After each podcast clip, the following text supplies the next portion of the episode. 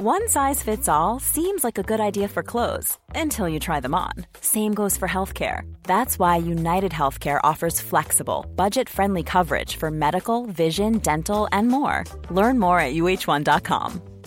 It's that time of the year. Your vacation is coming up. You can already hear the beach waves, feel the warm breeze, relax, and think about work.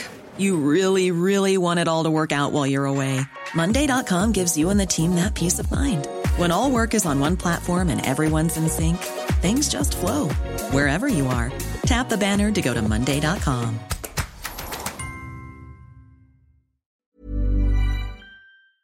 Hei, jeg heter Marius Mørk Larsen og er podkastsjef i Finansavisen, og jeg er kun her for å fortelle deg at vi lanserer en helt flett ny podkast om aksjer. Den skal hete Aksjepodden. Du får lov til å høre de første ja, fem, seks, syv, åtte minuttene av podkasten her nå. Og etterpå så er det rett og slett bare å søke opp Aksjepodden der du hører podkast, for dette kommer du til å bli hekta på. Aksjepodden er en Finansavisen-produksjon. Alt som blir sagt i denne podkasten er kun til informasjonsformål og skal ikke anses som investeringsrådgivning. Panelet og gjester kan være lang eller kort, direkte eller indirekte eksponert mot aksjer eller selskaper som omtales, og feil kan forekomme. Karsten Johan Andenes er tidligere Finansavisen-journalist, men investerer i dag egne midler i aksjemarkedet og er innleid som programleder for Aksjepodden.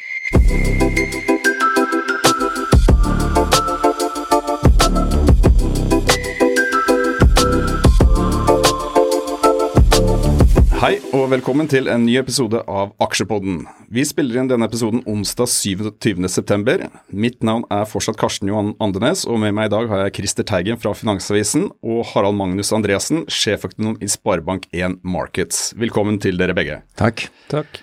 Harald Magnus eh, han er ingen hvem som helst. Han har en eh, evig lang seiersrekke i Kapitals kåring av landets beste makroøkonomer. Litt, uh, litt, mer populær blant makroøkonomimiljøet enn uh, eiendomsmiljøet.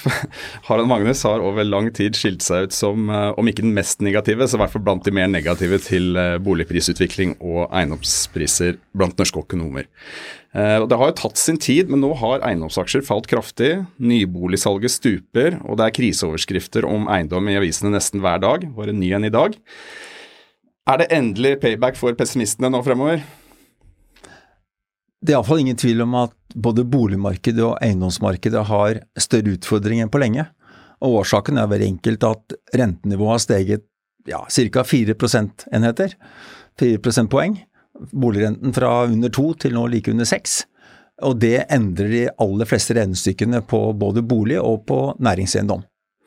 For du, du, har jo, du har jo en presentasjon som du holdt i det var vel forrige års, eh, og eh, der tar du opp Norges Bank sine anslag for boligprisutviklingen fremover. De forventer et fall på 1% i år og en oppgang på 0,8 neste år, så ganske even om, eh, om et drøyt år. Ja, de venter et fall på 1% frem til årsskiftet, og så skal prisene vende oppover. Ja. Du, eh, du tror ikke helt på den prognosen, forstår jeg? Nei, jeg er usikker på det. Nå jo, måtte jo Norges Bank eh, se at boligprisene hadde falt. De lagde et anslag også i juni, det gjør de hvert kvartal. Mm. Og de bommer de som alle andre, selvfølgelig. Eh, det er ikke så lett. Eh, men siden de lagde anslaget, så hadde boligprisene falt eh, drøyt 1 mer enn det de trodde. Og det måtte starte lavere, mm. men det skal ikke falle særlig dypere enn de trodde i juni måned.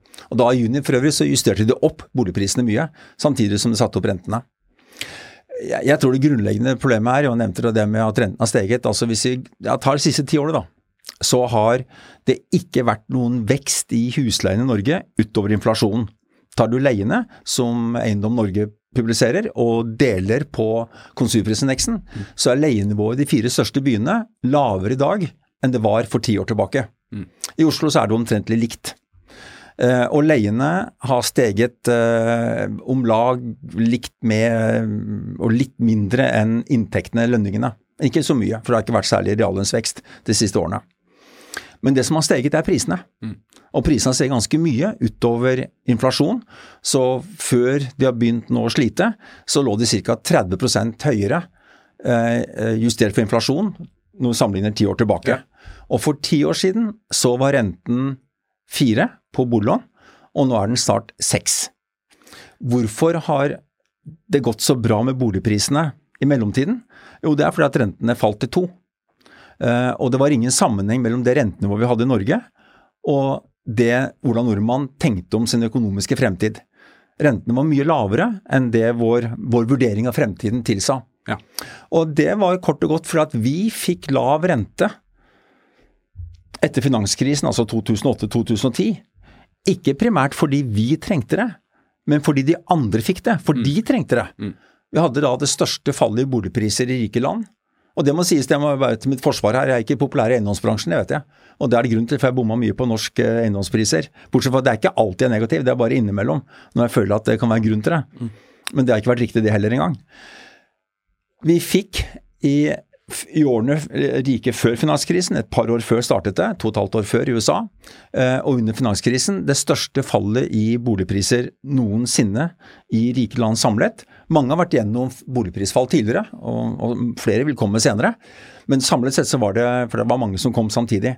Og det utløste den største økonomiske nedturen siden 30-tallet i rike land. Ja. Det ble møtt med ekstreme politikktiltak, både i, i finanspolitikk og over statsbudsjettene. Eh, og det, si, det jeg pleier å si, det, det var min beste analyse som økonom. At jeg skjønte i årene i forveien dette kom til å gå galt, og det gikk mye mye verre enn jeg hadde forestilt meg. Så i 15 år så har befolkningen i rike land flest, f.eks. USA, Storbritannia, Danmark, Nederland, Spania, Baltikum og mange flere med, nedbetalt gjeld som aldri før. Og for å hjelpe folk med å bli kvitt gjelda som hadde blitt altfor høy da boligprisene var på topp før finanskrisen, ja det var at rentenivået ble satt ned til nær null. Og myndighetene gjorde mye for å hjelpe folk i gang igjen, og Ja. hjelpe dem å bli kvitt gjelda. Og det var helt riktig politikk. Men folk nedbetalte gjeld i forhold til inntekten sin som aldri før, selv med nullrente. Eller iallfall historiens laveste rente. Ja. Vi fikk lav rente fordi andre fikk det. Og det hadde kanskje ikke vært mulig å få til noe annet, det er ikke stor forskjell på norske og utenlandske renter normalt. Men vi fikk lave renter uten at det var noen krise i Norge. Vi ble hjulpet av råvareprisene, dette er da tilbake i 2009, 10, 11, 12. Eh, Kina ga full pedal. Eh, det samme Ja, skjedde det, gikk, med det gikk jo kjempebra. det gikk veldig bra. I Norge gikk det veldig bra. Vi, Ja. vi fikk ikke boligprisfallet. Nei. Men vi fikk, jo- vi jo- fikk et rentenivå som om vi hadde hatt et boligprisfall, for å si det litt enkelt. Ja, ja. Og, det, Også- det vel... og, da, og da, Det samme skjedde for øvrig i Sverige, og Australia og Canada. Ja, ja. Eh, og de har hatt akkurat samme utvikling på gjeld og boligpriser som de vi har hatt etter 2010. Og det, er vel, gjerne- det er vel gjerne sånn at uh, spesielt førstegangskjøpere, de som kanskje kjøper sin første bolig, det er jo minst hvis den, altså, de makser. De, de legger så mye i den boligen som de kan. Maksekulturen har vært den eneste lønn... Altså, det var én ting som gjelder, det er å kjøpe som, låne så mye du kan bare få tak i. Ja. De som maksa, har vunnet. Ja. Og det var fordi at folk hadde lave renter, eh, men folk i andre land de var redde, og de ville bli kvitt gjeld. Vi var eh, optimister og ville ha mer gjeld, som vi normalt tenker oss vi vil ha når renta er lav. Ja, men det som det, men det, men da, da førte hele det til at vi fikk da en ny tvist på boligprisene, en ny tvist på, eh, på, eh, på gjelda, og vi har forklart det med at det var kronisk boligmangel i Norge. Men det merkelige da, leiene er ikke steget. Nei. Det er prisen som har steget, og prisen har steget fordi det var svært lav, og historisk sett rekordlav rente, uten at det var krise i økonomien. Oi! Var det slutt allerede, og her hadde du hørt alt? Vel, husk hva jeg sa i starten. Du trenger bare å søke opp Aksjepodden, så kan du høre resten av episoden med én gang. Så ikke kast bort tid på å høre på meg. Løp og søk, og hør Aksjepodden nå. Økonominyhetene er en podkast fra Finansavisen. Programledere er Marius Lorentzen, Stein Ove Haugen og Benedikte Storm Bamvik. Produsenter er Lars Brenden Skram og Bashar Johar. Og ansvarlig redaktør er Trygve Hegnar.